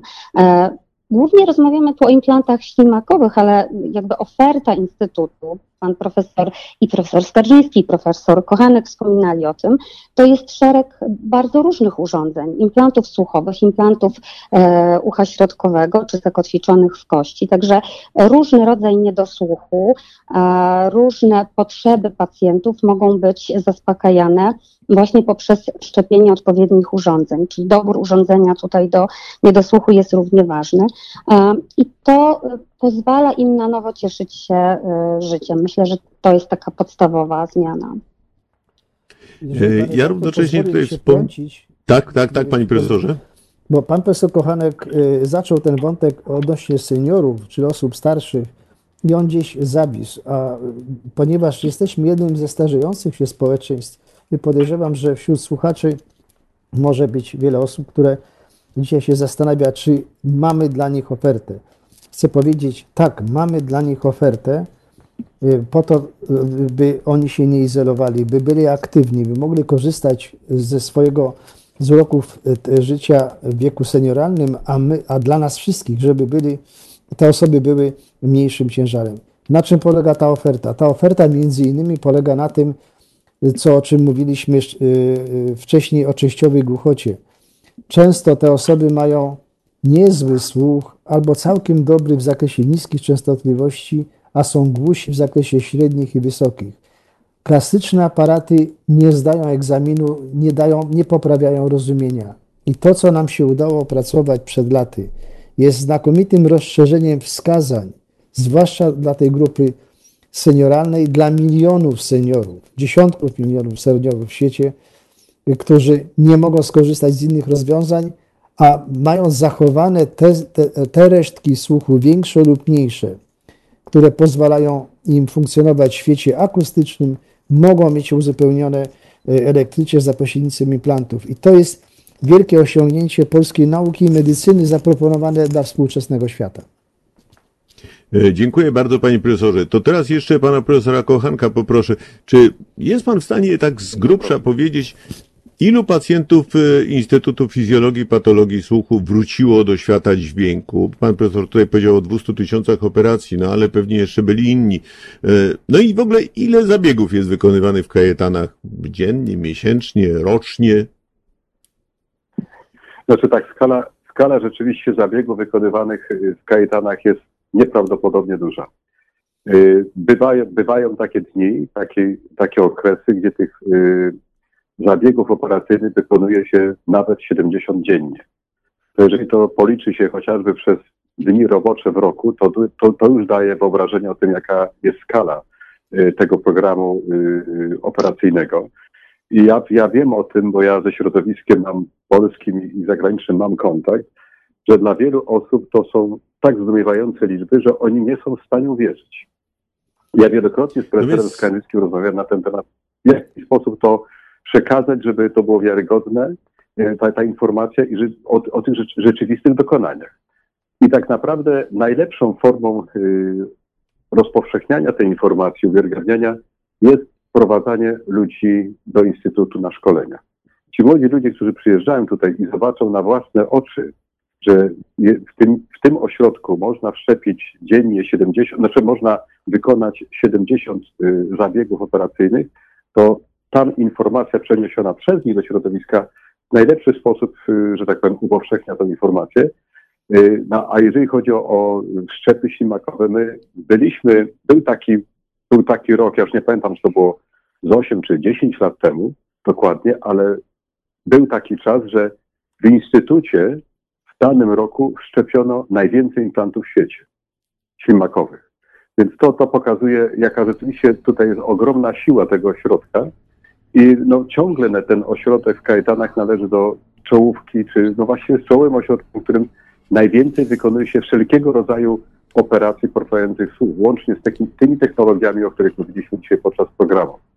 Więc, Ale y, panie profesorze, a z ilu krajów przyjeżdżają do, do Światowego Centrum Słuchu pacjenci? Z ilu krajów albo z jakich krajów? To są e, kraje i Europy, kraje spoza Europy, nasze z Europy i wschodniej, z Europy y, południowej, spoza Europy, z, kra- e, z, kontynentu afrykańskiego, więc mamy tutaj pacjentów naprawdę z, y, z różnych części świata. I, i, i tutaj no, te, ta skala tych, tych operacji jest y, rzeczywiście niewiarygodna. Y, te efekty spektakularne, czy też sukcesy spektakularne niewątpliwie przyciągają kolejnych y, pacjentów do kajeta, którzy właśnie chcą być dotorowani dokładnie tutaj, bo wiedzą, że y, ten ośrodek skupia wszystkie elementy niezbędne w tym programie do tego, żeby pacjentowi w maksymalnym stopniu dać szansę uzyskania tego efektu no, klinicznie zadowalającego, czy też no, satysfakcjon- satysfakcjonującego. Panie Także profesorze, to teraz wracam się do... Tak. Tak? Przepraszam, bo y, chciałem, Ja- ja y, panie profesorze, Znaczy, to... może przy- tak, tak. Bo, bo pan proszę. profesor Skarżyński tam y, w swojej wypowiedzi również wspomniał o tych, o tych telemedycznych zastosowaniach i o tych przełomach, które dokonały się we wczesnej diagnostyce czy we wczesnej terapii. Mówiliśmy o tej terapii na odległość, o ustawianiu parametrów implantów na, na odległość, ale chcę też powiedzieć, że to jest też nasza no, pewna koncepcja, którą wdrożyliśmy do praktyki klinicznej, mianowicie y, wczesna diagnostyka, y, wczesna diagnostyka dzieci, y, u których wykrywa się zaburzenia wrodzone. Ja, mówiąc o wczesnej diagnostyce, to ja mówię o pierwszych tygodniach życia. Pan profesor Skarżyński wtedy, kiedy podpisywał, jednym był z jeden sygnatariuszy konsensusu dotyczącego badań przesiewowych y, suchonoworodków w Europie mm, w 1998 roku, w poprzednim stuleciu, w tym konsensusie zapisano, że wczesna diagnostyka powinna mieć miejsce około trzeciego miesiąca życia. Dzisiaj ta wczesna diagnostyka faktem jest, że ma miejsce w pierwszych tygodniach życia i pani doktor Wodarczyk myślę, że też potwierdzi y, moją opinię. Natomiast to, o czym chcę powiedzieć, nawią- nawiązając do wypowiedzi pana profesora Skarżyńskiego, to jest to, że Instytut upowszechnił też i wdrożył taką metodę teleaber, czyli wykonywania bad- badania na odległość w tych naszych ośrodkach satelitarnych. Na przykład dzie- dziecko jest w Kirgistanie, a technik, który siedzi w kajetanach przy komputerze, przejmuje przez za pomocą internetu, przejmuje klawiaturę tego urządzenia i wykonuje zdalnie to urządzenie. My również w ten sposób uczymy y, personel tych nowych ośrodków, które z nami współpracują, wykonywaniu właściwym, że tak powiem, takich y, skomplikowanych badań. Więc tu, tu mamy również kolejny element tej praktycznej telemedycyny, udało, którą udało nam się wdrożyć nie tylko w Polsce, ale również w tych ośrodkach zagranicznych. Jasne, dziękuję bardzo. Panie profesorze, to teraz jeszcze króciutka y, historia, to znaczy zaraz będziemy musieli na chwilę przerwać program, bo no, są różne techniczne zabiegi, ale jeszcze y, takie dodatkowe pytanie, to znaczy teraz do pana profesora Skarżyńskiego. Panie profesorze, czy ja mogę powiedzieć, jak widziałem, jak to jest zorganizowane u państwa, że tak dużo zabiegów można zrobić? Y, Tak, można zrobić, y, chociaż nie wszyscy w to wierzą, o czym wspominał profesor Kochanek, dopóki nie przyjadą. Ale dzięki temu, że y, przygotowaliśmy specjalną salę wykładową na bloku operacyjnym z przeszkloną ścianą, to można przyjść, usiąść, zobaczyć jak to funkcjonuje, jak pracujemy. Nie tylko obraz spod mikroskopu, ale poruszanie się nas wszystkich na tych salach. Y, Mówimy o y, 60-70 operacjach, ale w praktyce to oznacza, że wykonujemy 100, 120 czy 130 procedur różnych, które się składają, gdyż często jedna operacja uszna to są dwie albo trzy procedury, czyli y, trzy, jak gdyby trzy operacje wykonywane y, jed- jednoczasowo, czyli w sumie takich procedur y, rocznie możemy wykonywać kilkanaście tysięcy, 15, 17, 18, najwięcej No wykonaliśmy. panie w profesorze, byłem świadkiem, byłem 20. świadkiem, jak y, pan wychodzi z sali operacyjnej, wchodzi pan na chwilę do takiego pomieszczenia, no nazwijmy to do pokoju, który, który jest połączony z salą operacyjną, krótkie rozmowy, jakieś narady i za chwileczkę następna sala melduje, że jest gotowa, a potem następna.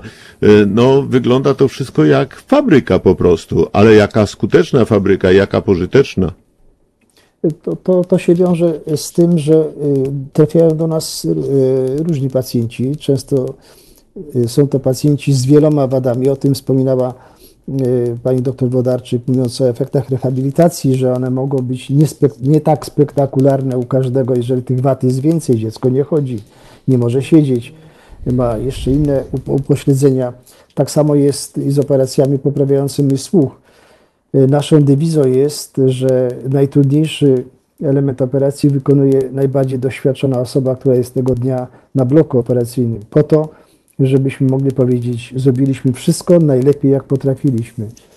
A to oznacza, y, że ten czas przeznaczony na operację nie, nie wydłuża się, co ma y, wpływ na y, jakość operacji, y, na efekty, po, po, jakie uzyskujemy po operacji z jednej strony, z drugiej strony ma to, wiąże się to wszystko y, z całą organizacją i również z kosztami. Musimy o tym pamiętać, że można wykonywać taką samą operację przez 20 minut albo przez 2,5 godziny. Jeżeli policzymy czas funkcjonowania sali operacyjnej, policzymy koszty. Ja tu nie mówię o ściganiu się z czasem. Y, To nie chodzi mi o to, żeby zademonstrować, że coś potrafimy zrobić bardzo szybko, ale co, otwarte ucho, czyli otwarty dostęp do elementów zmysłowych ucha wewnętrznego w, na, w ciągu dwóch minut, a 20 minut, to nie jest to samo. I to ma ogromny wpływ na późniejsze efekty y, terapii, w tym również rehabilitacji.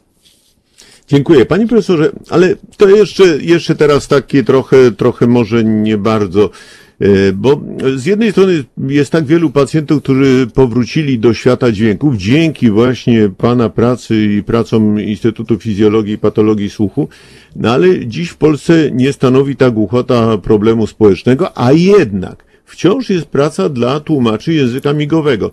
No przecież ta grupa migających powinna się stale zmniejszać. No to, to powinien być właściwie już koniec tych problemów. I tak jest. I tak jest. I naprawdę się zmniejsza? Oczywiście, ja mogę po- posłużyć się danymi nieaktualnymi, bo nie mam aktualnego y, y, wyniku z, statystycznego y, z GUS-u.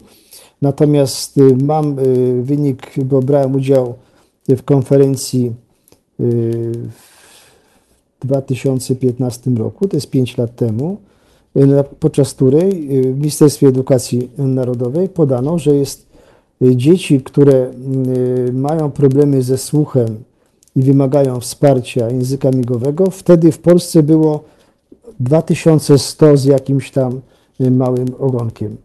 Y, Taka skala problemu. Y, I to dotyczyło y, dzieci, które urodziły się z wieloma wadami i z różnych powodów nie, nie podeszły do, do operacji w- w- wtedy, kiedy to było możliwe, bądź wynikało to z, pewnego zachowania rodziców. I to się bardzo zmienia.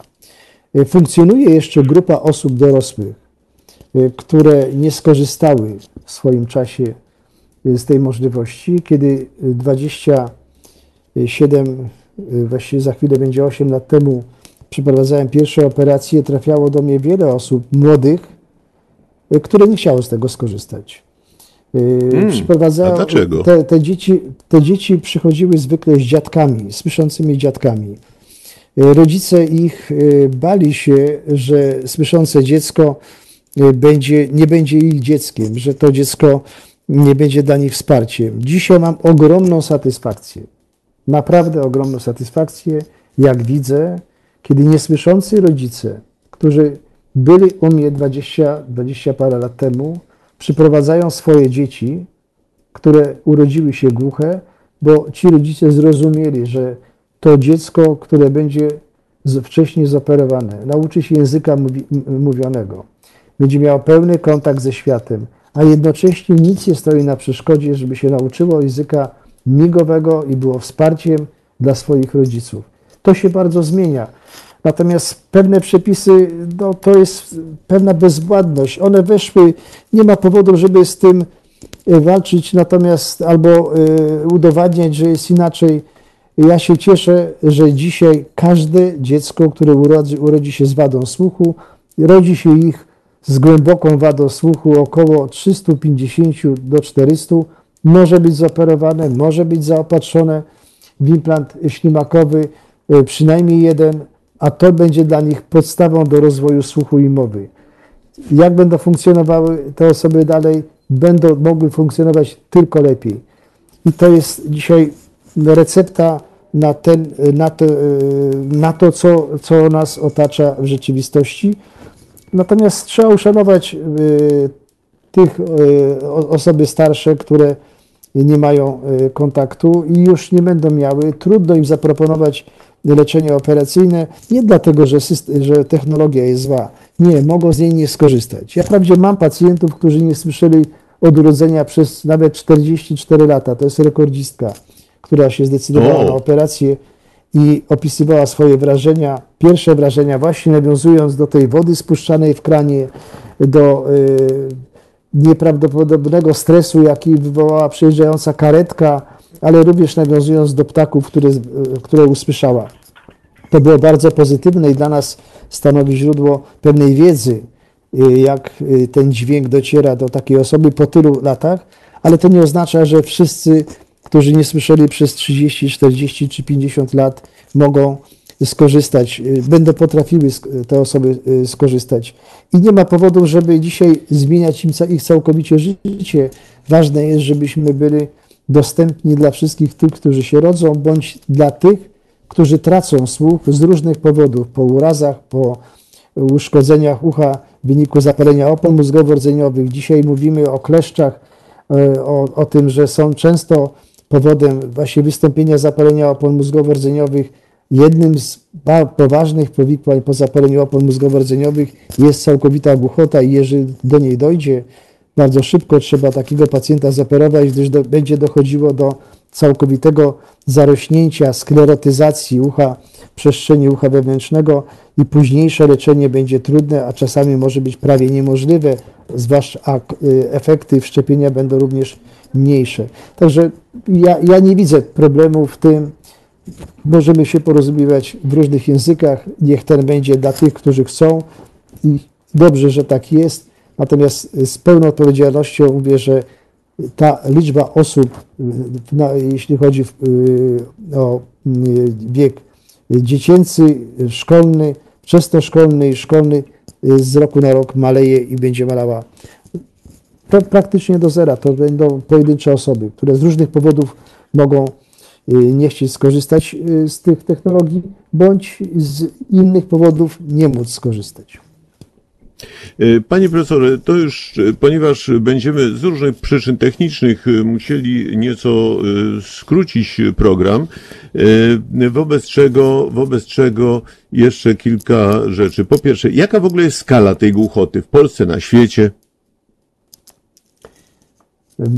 Wśród, sk- skala głuchoty w tej chwili jest, y, to się przesuwa, bo jeżeli osób całko, głęboko nie, niedosłyszących i całkowicie lub całkowicie niesłyszących, które się rodzą, w tej chwili w Polsce jest 350-370.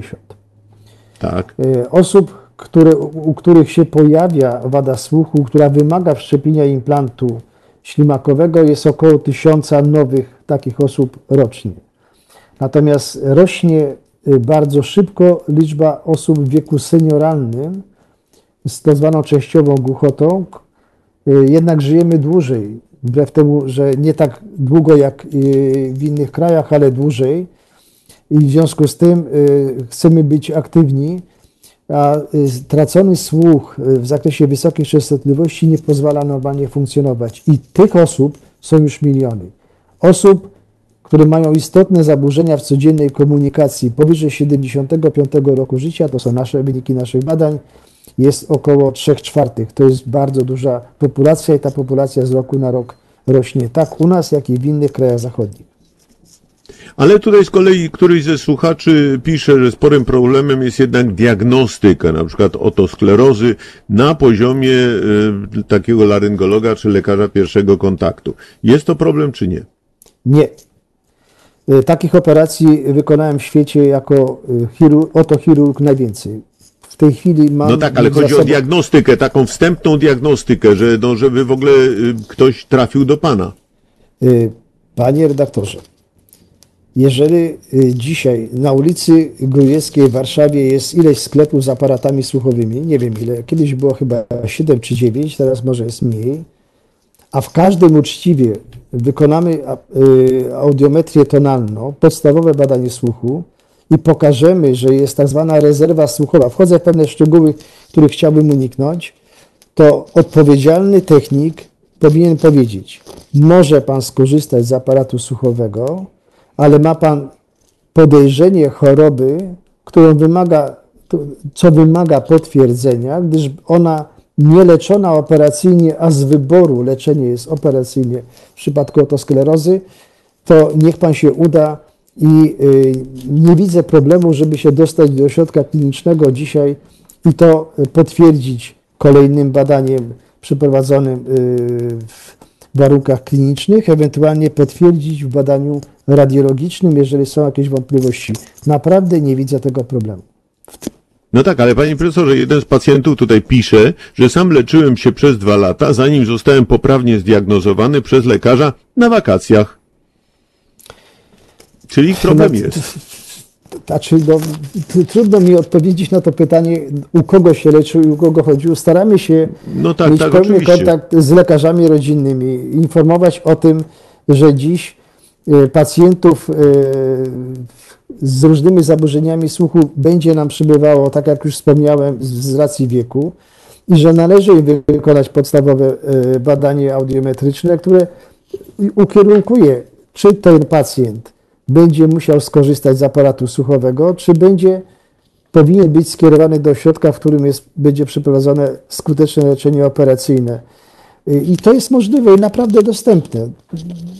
Pro, proszę mi wierzyć, no, to trudno mnie zapewniać, no, ale nie wyobrażam sobie, żeby dzisiaj osoba chcąca nie mogła z tego skorzystać. Przy tylu ośrodkach Y, funkcjonujących. Wyłączam tutaj ostatnie tygodnie, gdzie okres y, pandemii No zrobił tak, swoje tak. i, wszędzie, i wszędzie ta dostępność jest y, mniejsza. Jesteśmy chyba jedynym ośrodkiem w Polsce, który cały nie zaprzestał od wykonywania operacji przez cały czas pandemii, co było ogromnym wysiłkiem i jest ogromnym wysiłkiem, bo to nie jest proste. Y, I to całego personelu, oczywiście- panie profesorze, bo pan jest przyzwyczajony do noszenia maseczki podczas operacji, a Ale pana tak, personel niekoniecznie. Nie, oczywiście i dzisiaj trudno jest zaprosić 70 osób na operację na, na, na dzień następny, y, żeby z, zachować odległości, y, wszystkie inne y, wymogi bezpieczeństwa i te, tego przestrzegamy w pierwszej kolejności, więc powrót pełny nie będzie taki prosty i zdajemy sobie z tego sprawę. Powiem więcej, jako otolaryngolodzy jesteśmy na pierwszej linii y, narażenia y, w, tej całej sytuacji, gdyż y, poruszamy się w, polu, które narażenie jest jedno z największych. Ale to nie przeszkadzało nam, by starać się operować przypadki pilne, przypadki wymagające niezwłocznych y, y, operacji i to mamy i to kontynuujemy systematycznie, powoli rozszerzając z zachowaniem ciągle tych wszystkich warunków y, bezpieczeństwa, które, y, z których zdajemy sobie sprawę i nie trzeba nam o tym przypominać y, ani y, y, stosować pewne y, takie czy inne zarządzenia. My zdajemy sobie z tego doskonale sprawę. Raczej inni sobie nie zdają sprawy. Mam tu na myśli wiele osób, które uważa, że wszystko już minęło, a prawda, jeżeli jesteś, doty, dotykamy tego tematu, a prawda jest zupełnie inna. Nic nie minęło, wszystko w dalszym ciągu nas y, to, ten problem y, otacza i dotyczy i powinniśmy sobie zdawać sprawę, że z tych wymogów, które są zalecane, zwłaszcza mam tu na myśli dystans i mniej i odpowiedzialne zachowanie y, we wszystkich miejscach publicznych. No to panie profesorze, nasi słuchacze i ci, którzy nas obserwują, widzą, że my zachowujemy dystans naprawdę spory, jesteśmy w odległości kilkudziesięciu kilometrów od siebie i w ten sposób odbywa się program, czyli naprawdę dajemy dobry przykład. Ale y, to jest oczywiście żart, natomiast od czasu y, pierwszych implantów minęło no już 28 lat. Co się zmieniło przez, ten, y, przez te lata? Jaka jest przyszłość tych no, niezwykłych jednak zabiegów, które pozwalają przywrócić słuch? Co się zmienia? Y, Może również zechce się włączyć pan profesor Kochanek. To zapewne tak, poproszę pana e, profesora Kochanka, ja tylko mogę powiedzieć jednym słowem, wszystko się zmieniło. Rozpoczynaliśmy od urządzeń, które ze względów dostępnych technologii miały ograniczone możliwości, chociaż pacjenci uzyskiwali fantastyczne wyniki. Mam tu na myśli konstrukcję tych urządzeń. E, Dziś one są dostosowane do różnych usz- uszkodzeń słuchu. Mam tu na myśli implanty ślimakowe oraz całą wielką rodzinę, o, któ- o której wspominała pani doktor Elżbieta Wodarczyk, inne implanty słuchowe wszczepiane do ucha środkowego e, czy umieszczane w kości za, za, uchem. Nowe technologie, nowe modele przetwarzania mowy, kodowania mowy, y, y, mo- nowe technologie, które pozwalają lepiej wychwycić sygnał dźwiękowy, który dociera do naszego ucha i go przenieść do, ucha wewnętrznego, a następnie do zakończeń nerwowych i do ośrodków centralnych. Y, Nowe technologie y, związane z całym procesem operacji, no i wreszcie możliwości rehabilitacji, które y, z roku na rok y, są coraz bardziej, no nie chcę powiedzieć wyrafinowane, ale są y, coraz bardziej skuteczne. Mam tu na myśli przede wszystkim muzykoterapię, y, którą y, coraz szerzej staramy się włączać do procesu rehabilitacji. Ona pozwala bardzo uzupełnić to wszystko, co chcemy powiedzieć poprzez dźwięki. I tutaj tworzymy specjalne rodzaje muzyki, specjalne kompozycje, które mogą być odsłuchiwane aktywnie z udziałem terapeutów w naszym ośrodku, w naszym studio muzykoterapeutycznym lub pasywnie w domu y, w obecności bliskich. To powoduje, że cały proces rehabilitacji jest bardziej efektywny, jest krótszy, a rozumienie mowy, bo na tym nam za- zależy najbardziej naj, y, doskonalsze. Przykładem tego są ci, którzy, o których mówił profesor Kochanek, przyjeżdżają, którzy grają, śpiewają na różnych instrumentach. Lipiec to taki y, miesiąc, gdzie spotykamy ludzi ze całego świata, y, którzy przyjeżdżają na Międzynarodowy Festiwal Muzyczny.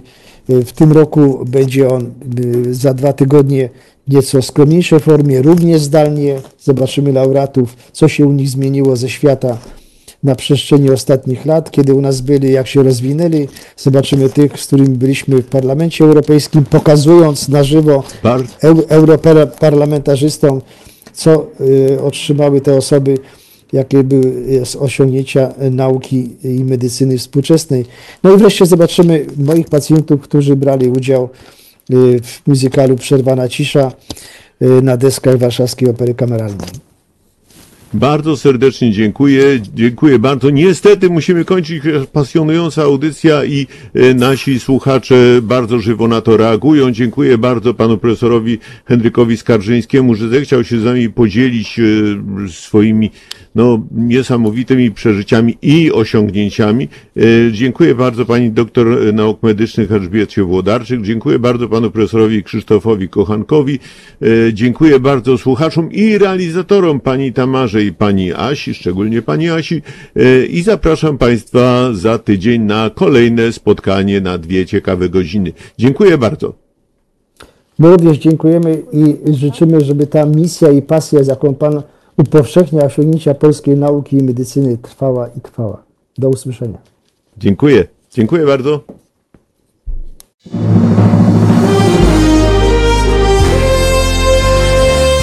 Wszystkim Państwu serdecznie dziękujemy za stałe finansowanie działalności Halo Radia. Nadajemy i rozwijamy się tylko dzięki Waszym szczodrym datkom. Dziś pragniemy podziękować między innymi Pani Ewie z Warszawy zadatek 100 zł. Panu Henrykowi z Zagórnika zadatek 100 zł. Panu Jackowi ze Zduńskiej Woli zadatek 10 zł. Panu Jakubowi ze Skawiny zadatek 30 zł. Pani Elizie z Radomia zadatek 10 zł. Panu Bogdanowi z Gdyni zadatek 20 zł. Panu Pawłowi z Rokietnicy zadatek 33 zł.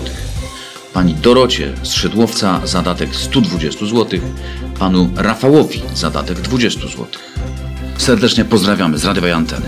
Marek Czyż, do usłyszenia. Wszystkim Państwu raz jeszcze dziękujemy i prosimy, nie zapominajcie o swoim obywatelskim Halo Radio. Jedynym medium, które wypełnia dziś ideę radia prawdziwie publicznego.